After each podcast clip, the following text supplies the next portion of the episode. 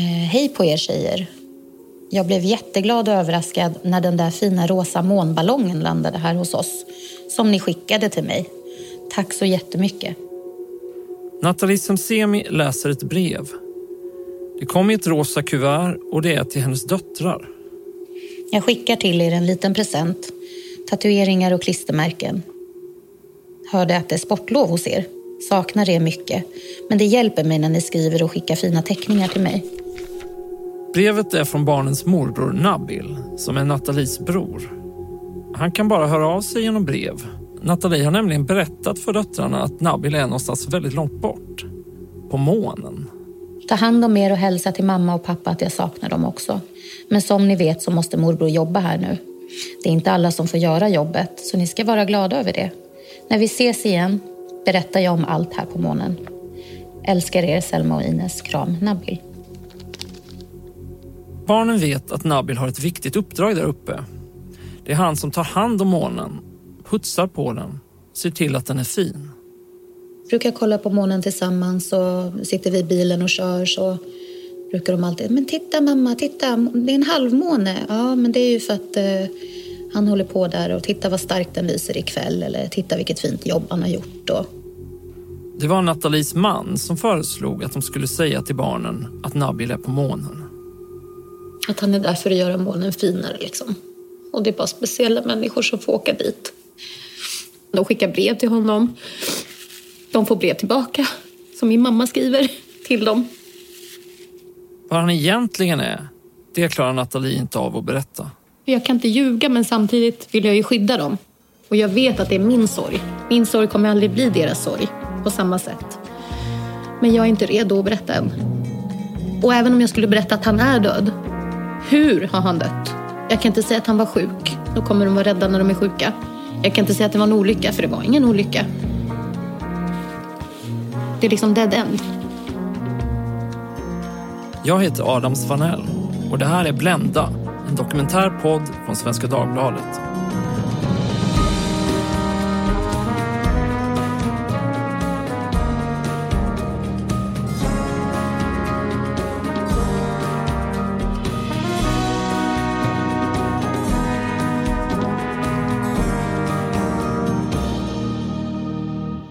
Sorg är ett svårt ämne för en journalist. En gång fick jag rådet av en chef att undvika det helt. Han sa att människor vill läsa historier där saker utvecklas och blir bättre. De vill inte läsa om smärta, saknad och frustration som bara pågår och pågår. Och kanske hade han rätt, jag vet inte. Ibland tycker jag mig se skildringar av sorg som försöker vara sådana där positiva historier. Där någon liksom bearbetar, lär känna sig själv, förlåter, kommer andra närmare och växer som människa. Och där det talas om sorgeprocesser och sorgarbete som om det var något man liksom bockar av och får en belöning på slutet. Men är det verkligen så sorg brukar se ut? Du lyssnar på Blända, podden där Svenska Dagbladets journalister ger dig berättelser ur verkligheten. I det här avsnittet har vår reporter Narita Al-Khameisi träffat två personer. De heter Diana och Nathalie och vet båda mycket om sorg. Deras bröder har nämligen blivit offer för det dödliga våldet i Stockholms förorter. Och Dianas och Nathalies berättelser är inte uppbyggliga utan komplicerade och fulla av svåra frågor. Som hur berättar man för sina döttrar att deras morbror är död?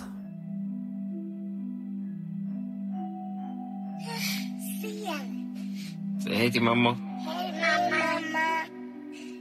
Nathalie Semsemis bror, Nabil, är ofta barnvakt till hennes döttrar.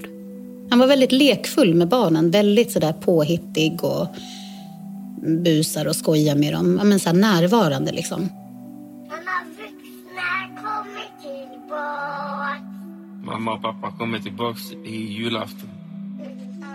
Ni ska vara hos oss till 2028. Det var ju action liksom. Han lyfte upp dem och snurrade runt dem och jagade dem och kurragömma och gunga dem i parken. Men allt sånt där typiskt morbrorsgrejer, tänker jag. Väldigt närvarande och var väldigt omhändertagande och ja, försvarade dem med sitt liv. Verkligen. 30 år tidigare, långt innan Nathalie får sina barn, växer hon upp i norra Stockholm. Hon är sex år gammal när lillebror Nabil kommer hem från BB.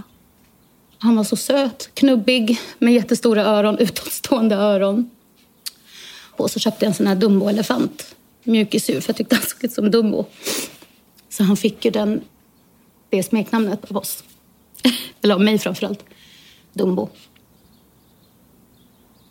Nathalie och Nabil växer upp i Tensta på 90-talet.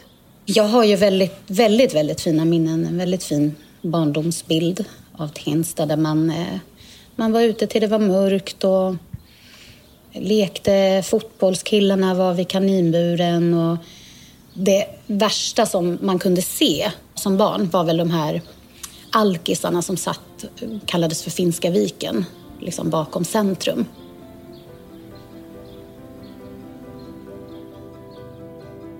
Så småningom får de ytterligare ett syskon, en lilla syster. Alla tre älskar att sjunga och dansa tillsammans. Hemma i lägenheten spelas det ofta musik.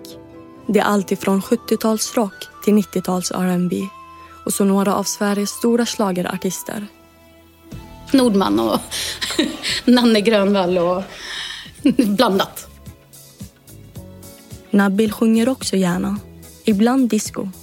Eh, han gillade Bee Gees väldigt mycket också.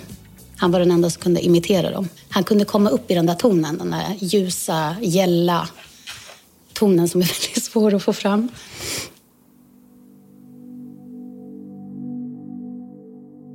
I västra Stockholm växer en annan kille upp, Robin. Diana Sinisalo är Robins lilla syster.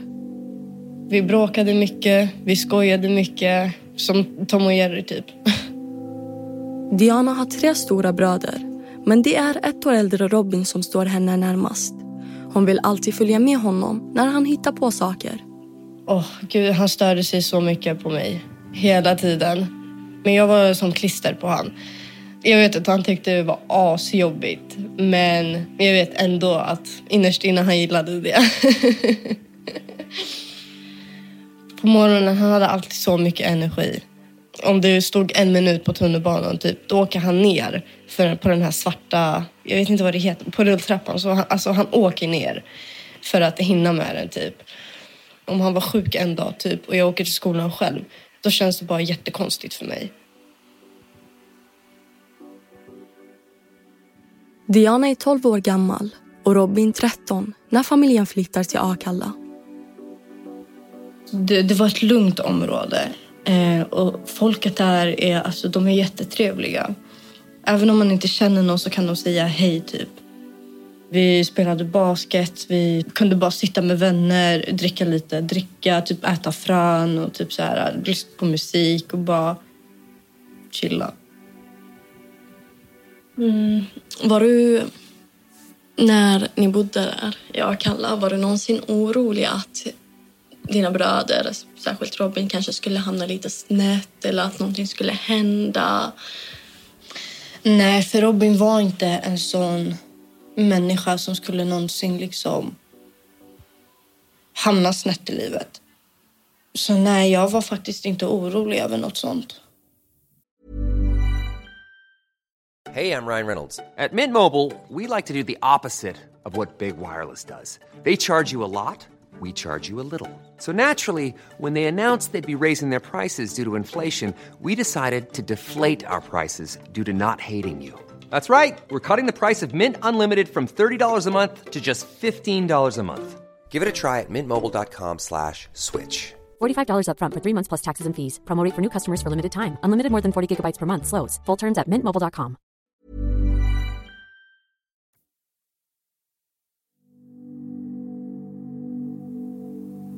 Han har väl alltid varit en väldigt så här snäll, ja, men glad och god och så här gosig. Liksom. Jättesnäll och alltid.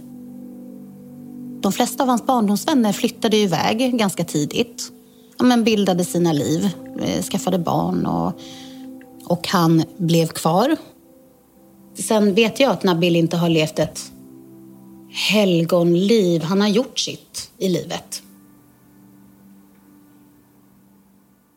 Februari 2020. Det är Nabils födelsedag. Han fyllde 29. Han är på sitt jobb på ett lager när en lastpall faller från flera meters höjd och skadar honom. Han blir medvetslös och flygs med ambulanshelikopter till intensivakuten. Han har fyra brutna revben och en punkterad lunga. Dessutom har Nabil fått starka smärtstillande läkemedel. Och sen blev han sjukskriven och fick massa mediciner och hade jätte, han blev jättedeprimerad där i början. Tyckte allting var liksom piss. Jag tror att han eh, överdoserade definitivt med sina, de här medicinerna han fick. Och sen tror jag att han liksom blev beroende av dem. Kunde inte jobba och, och då flyttade han hem till mamma så att hon kunde ta hand om honom.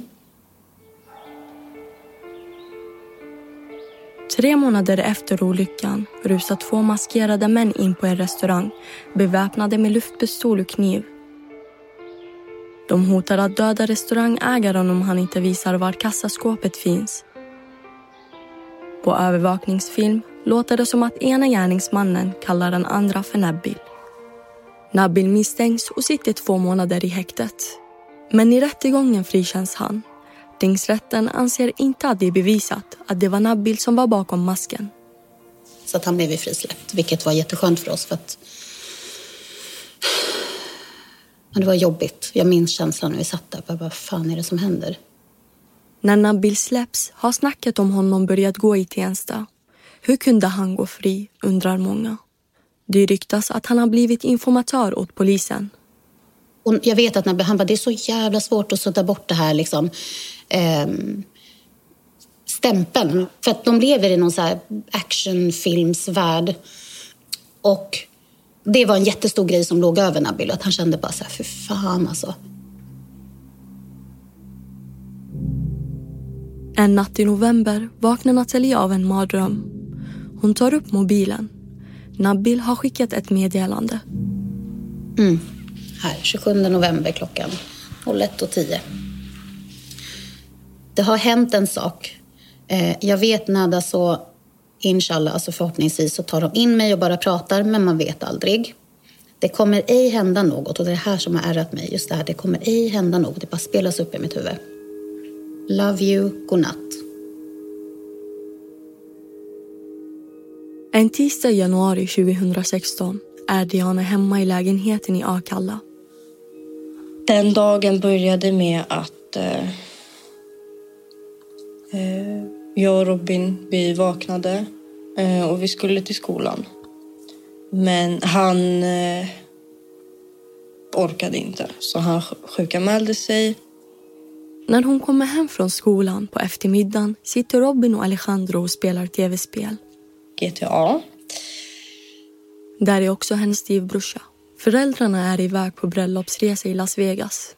Och sen ber Robin mig göra eh, mackor till han medan han och Alejandro ska gå ner och röka. Vad var det för mackor? Det var vanliga så här, ost och skinkmackor typ. och de ska precis gå ut men jag säger till dem men ska ni inte röka i balkongen istället för att det är liksom de kommer hem om en vecka först. Så det kommer inte, lukten kommer hinna gå bort innan de kommer. Så de bara, nej men vi, vi går ner istället. Robin sticker fötterna i ett par tofflor trots att det är minusgrader ute. Ja, ja, okej. Okay. Jag bara, men, men skynda er upp liksom. Bröderna försvinner ner i trapphuset och Diana hör hur de snackar på vägen ut. Kvar i lägenheten är Diana och hennes styvbror. Vi hör två höga smällar. Vad fan var det där? Så jag ställer mig vid fönstret eh, och sen ser jag Alejandro springa. Ja, men okej, de, de leker bara lite. Typ de jagar varandra, han och Robin då. Eh, men sen ser jag liksom mördaren springa efter han med en pistol i handen. Och eh, sen eh, ramlar Alejandro. Mördaren står och skjuter han med flera skott. Um, och sen springer mördaren iväg. Dianas styvbror springer ner för att se vad som har hänt. Hon springer efter, men styvbrorsan säger att hon inte ska komma ner. Bara, men Diana kom inte ner. Så jag, jag frågade, jag bara, men varför? Så han bara, nej men kom inte ner bara. Men sen gick jag ner ändå. Eh, så jag går ner. Eh,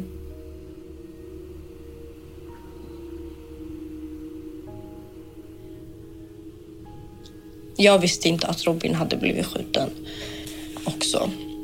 Massa blod och han blev ju skjuten i huvudet. Han ligger där och hostar blod och... Ehm, och där liksom typ jag faller på mina knän. Man ser ju att han fortfarande lever på något sätt. På avstånd hör Diana sirener som närmar sig. Jag ville inte gå riktigt så jag vände mig om igen. Och där dog han.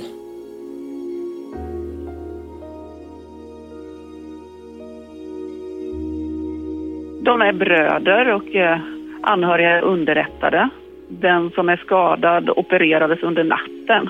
Vilken ålder har de här båda? Då är den skadade född 95 och eh, han som avled var född 01.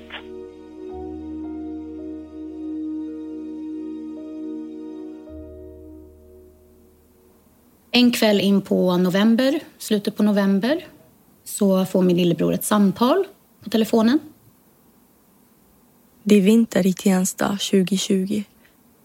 En kille vill använda Nabils bankkonto för en överföring. Och då säger min lillebror, nej men jag kan inte hjälpa dig med det. Men kom ut på parkeringen, jag bara- kan vi inte bara prata? Så han bestämmer sig för att gå ut i morgonrock, ut på parkeringen och eh, prata om de här pengarna. På parkeringen väntar flera män i en bil. En av dem hävdar att det handlar om rena pengar. Nabil filmar med sin mobil när killen säger det.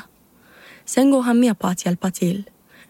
94 000 kronor sätts in på Nabils konto. Han swishar pengarna vidare till andra personer. Varför han gjorde det, det kan man ha många svar på. Jag känner honom, jag vet att han bara tänkte på att ja, men, jag hjälper honom, skitsamma liksom. Eh, hans konto blev spärrat och han var frustrerad, Nabil. Några dagar senare, när Nabil är hemma hos sin kusin Så eh, plingar det på dörren hos mamma och pappa. Och min pappa öppnar dörren. Utanför står en ung kille som de inte känner igen. Hej, jag vill veta om Nabil är hemma. Då säger min pappa, nej men han är inte hemma. Stänger dörren. Plingar återigen våldsamt på dörren. Killen är påstridig och han tjatar om att han vill få tag på Nabil. Liksom nästan desperation. Och då blir min pappa irriterad. Så han ringer till min kusin och frågar, hej är Nabil där? Får jag prata med honom?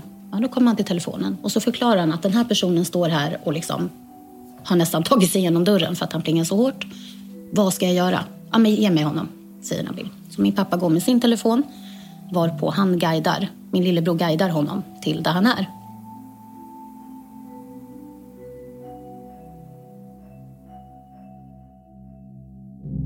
Och en person är gripen efter att en man hittats livlös i ett källarutrymme i Rinkeby. Mannen har skador på kroppen som gör att det inte går att utesluta att han blivit utsatt för brott och en förundersökning om mord har därför inletts. Jag var på jobbet. Jag hade precis avslutat min lunchrast. Jag satt uppe i personalrummet med mina kollegor. Och så skulle jag upp och skölja av min kaffekopp. Då får jag ett samtal av min mammas väninnas dotter. Också en nära vän till vår familj. Och jag svarar. Och hon skriker i telefonen. Nabil är mördad. Och jag faller ihop. Så ringer jag mammas telefon och hon säger ingenting. Så tar en polis telefonen. Jag frågar vad är det ni säger? Vad då lever inte Nabil? Nej, tyvärr. Du måste komma hit. Nathalies man kommer och hämtar henne i bil. De åker genom Stockholm hem till hennes föräldrar i Tensta. Och den bilresan hem till mamma. Det har aldrig känts längre än någonsin i mitt liv. Ingenting har känts lika långt. Och jag kommer hem till dem. Och mamma sitter på golvet i ett hörn. Får inte kontakt med henne och det är poliser. Alla vi får gå in i varsitt rum. Och bli förhörda. Jag kan inte ens krama mamma, jag kan inte krama min syster, jag kan inte krama någon. Utan det är bara liksom in och börja prata ungefär.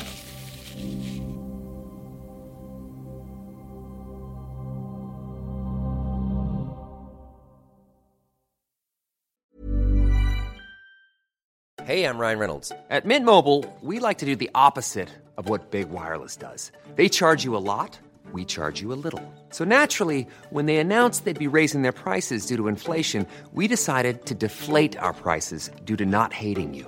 That's right. We're cutting the price of Mint Unlimited from $30 a month to just $15 a month. Give it a try at mintmobile.com slash switch. $45 upfront for three months plus taxes and fees. Promo rate for new customers for limited time. Unlimited more than 40 gigabytes per month. Slows. Full terms at mintmobile.com.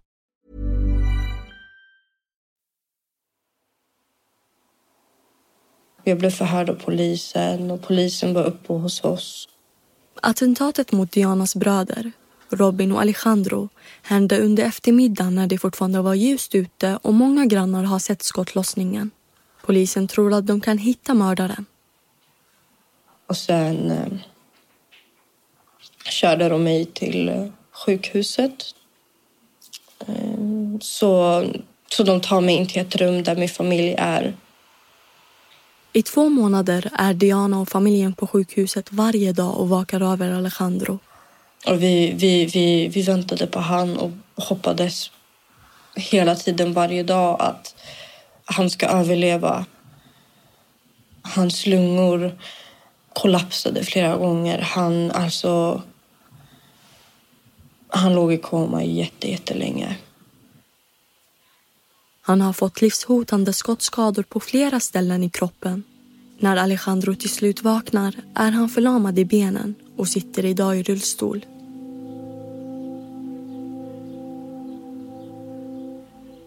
Robin ska begravas på Spånga kyrkogård. Innan begravningen går Diana in i ett avskedsrum. Där ligger Robins kropp. Först när jag gick in till rummet så tänkte jag bara men han kommer stå där levandes och krama om mig och säga men det här är bara ett stort skämt. Någonting, att han bara ska leva liksom och vara där. Så ligger han där i kistan och ser bara förstörd ut. Hans öga var halvt öppet. Hans öron var borta. Robins kropp är märkt av skottskadorna. Allt är ljust i rummet. Han ligger i en vit kista, i en vit tröja och med en rosa och vit blombukett i famnen. Innan Diana lämnar rummet går hon fram till honom och drar sina fingrar genom Robins hår. Jag gjorde en, en fläta på honom faktiskt. Eh, för han gillade flätor så jag gjorde bara en liten fläta på honom innan de gick iväg med honom igen.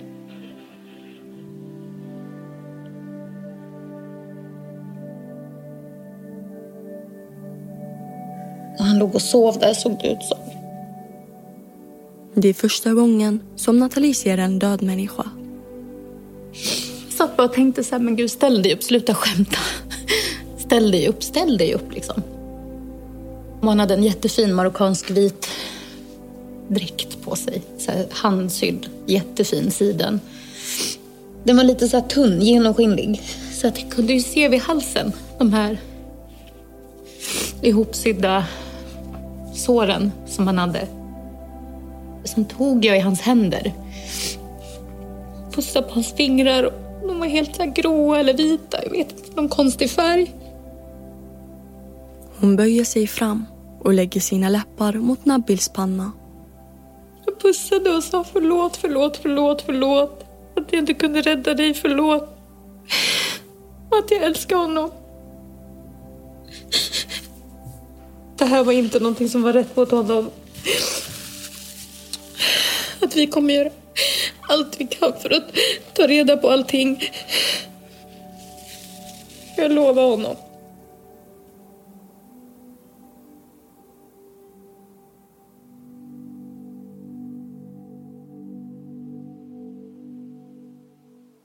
Diana tycker att det är jobbigt att gå till Robins grav.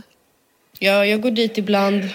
Eh, jag tänder några ljus, jag tänder en cigg till han och sen röker jag med han. Eh, jag sitter där lite, jag pratar kanske i tio minuter, sen går jag därifrån. För att jag kan inte vara där mer, mer än så. Det, det går inte. För jag vill inte... Nu har jag ändå byggt upp mig så pass mycket på sex år att jag vill inte sjunka, sjunka igen.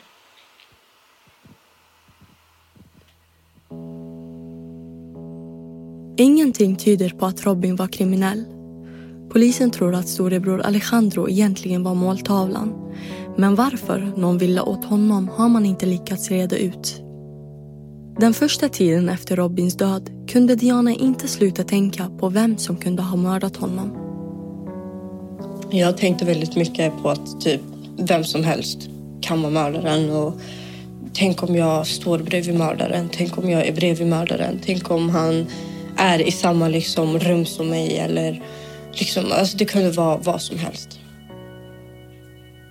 Vad, vad hade det betytt om mördaren blev gripen? Alltså, att han grips gör inte att jag får tillbaka Robin. Men han ska liksom få sitt straff. Och då hade jag liksom kunnat typ slappna av och bara okej. Men han, han är gripen nu och han, han, han sitter inne. Och jag kommer aldrig någonsin förlåta han. Det kommer aldrig hända. Det sägs att förlåtelse är en viktig del i bearbetningsprocessen. Och... Jag vet. Min mamma har sagt exakt samma sak. Min mamma har förlåtit han till exempel. Och jag gillar inte det alls. Ehm, och jag vet att om jag förlåter han så kommer jag släppa all det här liksom hatet som är i mig som jag sen typ sprider ut till andra människor. Men nej, jag kommer aldrig förlåta honom. Det kommer inte hända.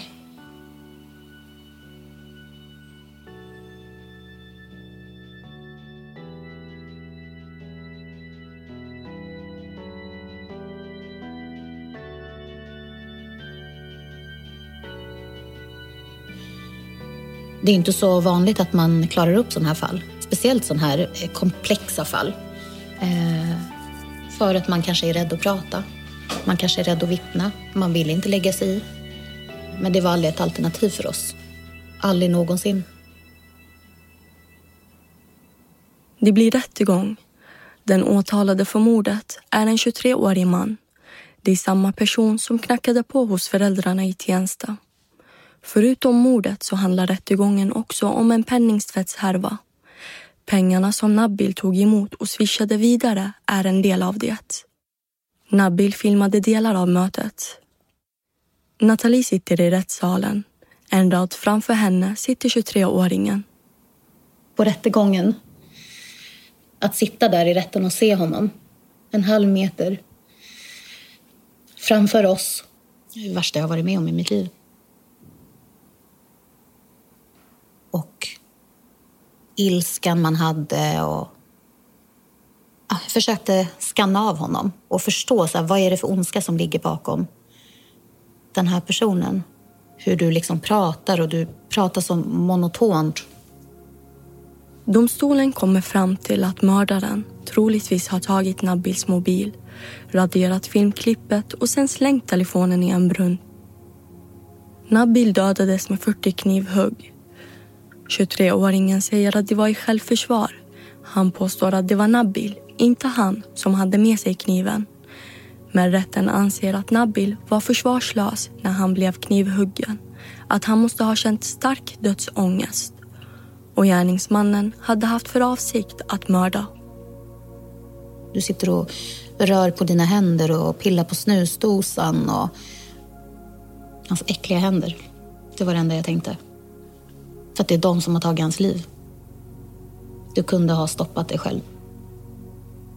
Huggen, en, två, tre. Det tar tid. Man har tid att ångra sig. Men det gjorde inte han. Mördaren får 18 års fängelse. Men Nathalie känner att hon och hennes familj har dömts till livstid. Livstidssorg.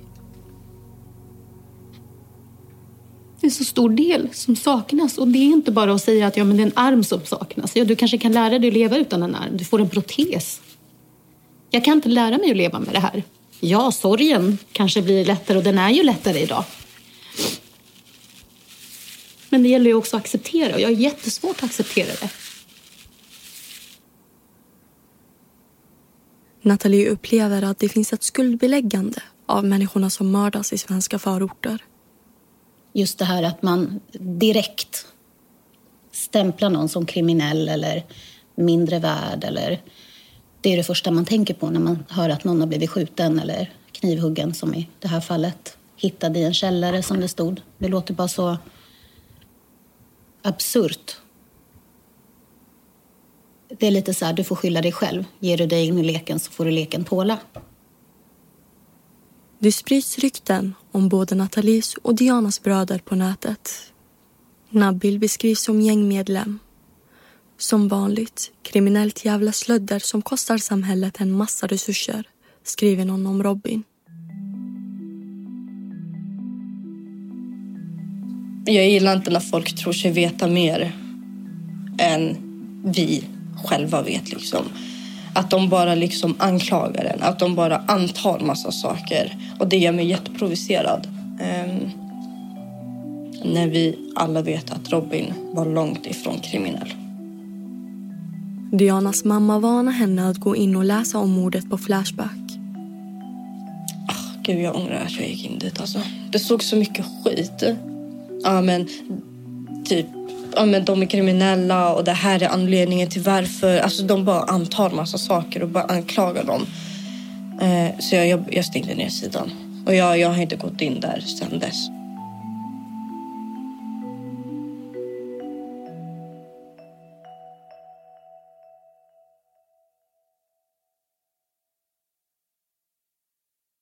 I Nathalies familj är de bara två syskon kvar och mordet har förändrat relationen mellan systrarna. Min syster, eh, vi är väldigt olika hon och jag. Vi är eh, som dag och natt. Hon, hon, vet vad hon vill med sitt liv. Det visste inte jag när jag var i hennes ålder. Eh, vi har ju ett så stort åldersglapp mellan oss. Jag var ju 19 när hon föddes. Så jag känner mig ofta som hennes mamma, kan jag tycka. Så att hans stöd har ju definitivt, det vet jag att hon också håller med om, har definitivt fört oss samman eh, mer än någonsin. Vi pratar om honom hela tiden. Min pappa har ju lite svårare för det. Systrarna har kommit varandra närmare. Men det har blivit svårare för föräldrarna. Det handlar bland annat om att pappan pratade med mördaren några timmar innan Nabils död. Han känner ju väldigt mycket skuld just för att han enligt hans uppfattning då har liksom skickat mördaren till min lillebror i och med att han öppnade och ringde min mamma tycker liksom att ja, men hade det varit jag som hade öppnat så hade inte jag ringt honom. Så de, de har ju precis nyligen separerat. Vilket är också väldigt stort i vår familj efter 30 år, 31 år tillsammans, gifta. Det är mycket som har hänt eh, bara sedan han gick bort. Väldigt mycket. Eh, och det blir väl så i sorg. Antingen så blir man mer sammansvetsad eh, som, som par. Men det funkar inte för dem. Det var för stort. I Dianas familj har relationerna också förändrats efter mordet på Robin. Hon pratar med sin mamma om mordet. Men med hennes andra bror Alejandro som överlevde skotten är det tyst.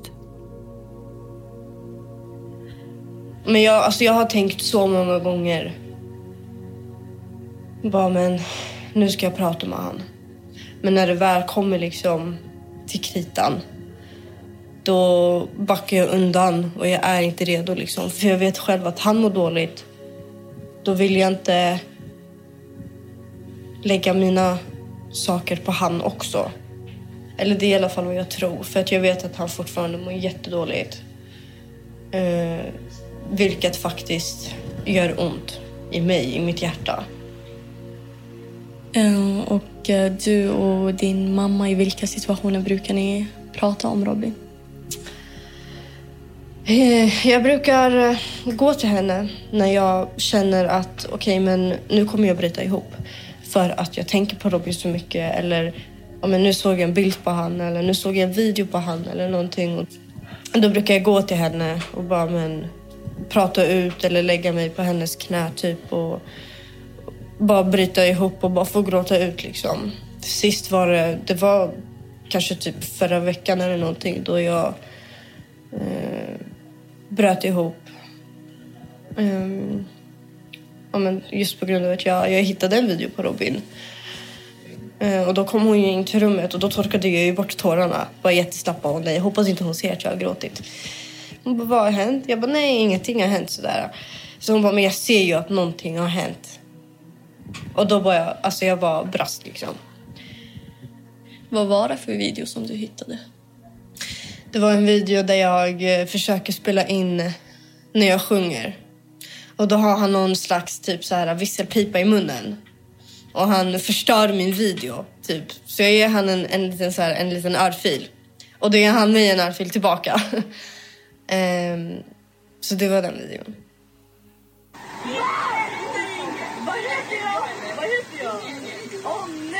Diana har sparade klipp på Snapchat. Där finns Robin kvar.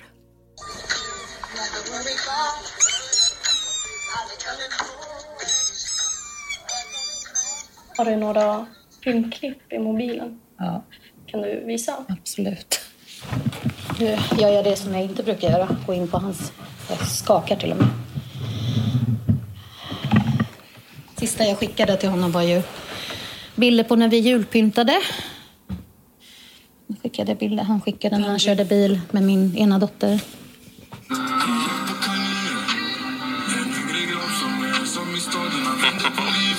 Gud,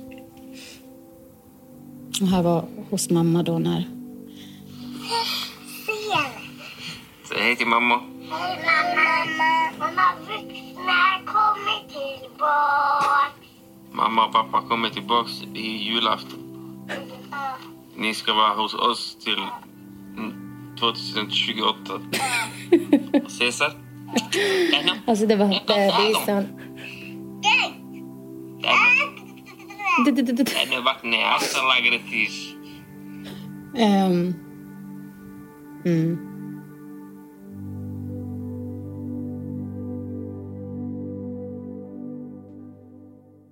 Det har gått ett och ett halvt år sedan Nabil blev knivmördad.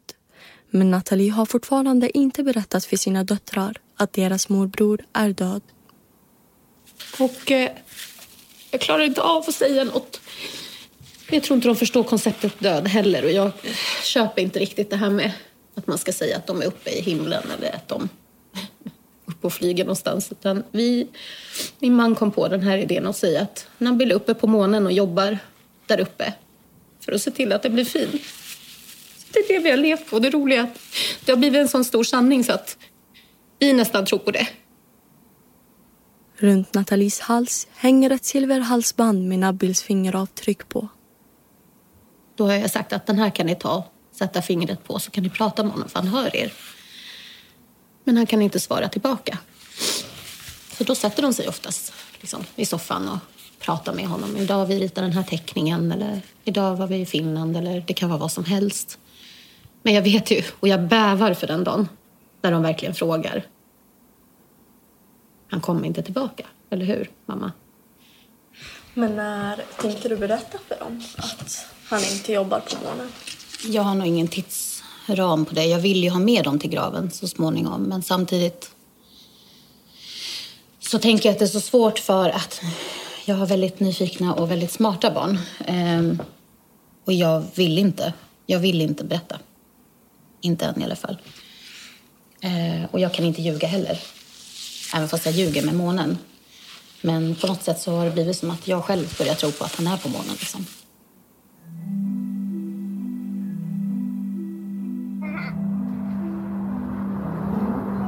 Och så kan han skicka månsystemet. Ja, jag hörde att han hade skickat det till er. Ja. I ett brev, vad fint. Det är Nabils födelsedag. Han skulle ha fyllt 31. De fyraåriga flickorna står i rosa vinteroveraller i snön. De har en rosa ljuslykta som kan sväva upp mot himlen. På lyktan har de ritat och skrivit meddelanden till Nabil. Något mer? Vill du säga att jag ska skriva någonting? Ja. Mm. Ett hjärta till. Ett hjärta? Okej. Okay. Och så skriver du så. Ja. Ett så här. Ja. Nabil, jag och mamma och pappa säger grattis till dig för månen. Puss och kramar. Okej. Okay. Till Nabil, vi saknar dig.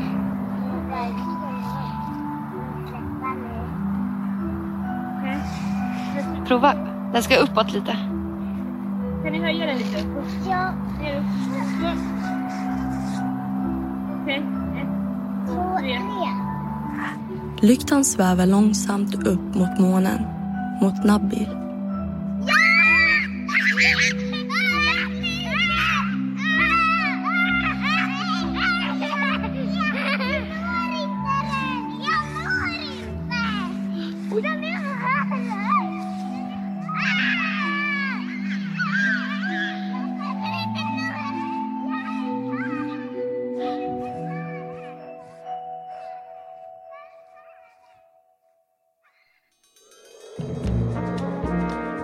Du har lyssnat på Blenda, en podd från Svenska Dagbladet.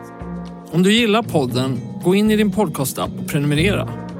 Vi har också gjort en särskild sida för Blenda på Svenska Dagbladets sajt där vi lägger ut artiklar, bilder och annat extra material från dokumentärerna. svd.se blenda är adressen. Där finns också ett prova på-erbjudande för dig som inte redan är prenumerant på Svenska Dagbladet.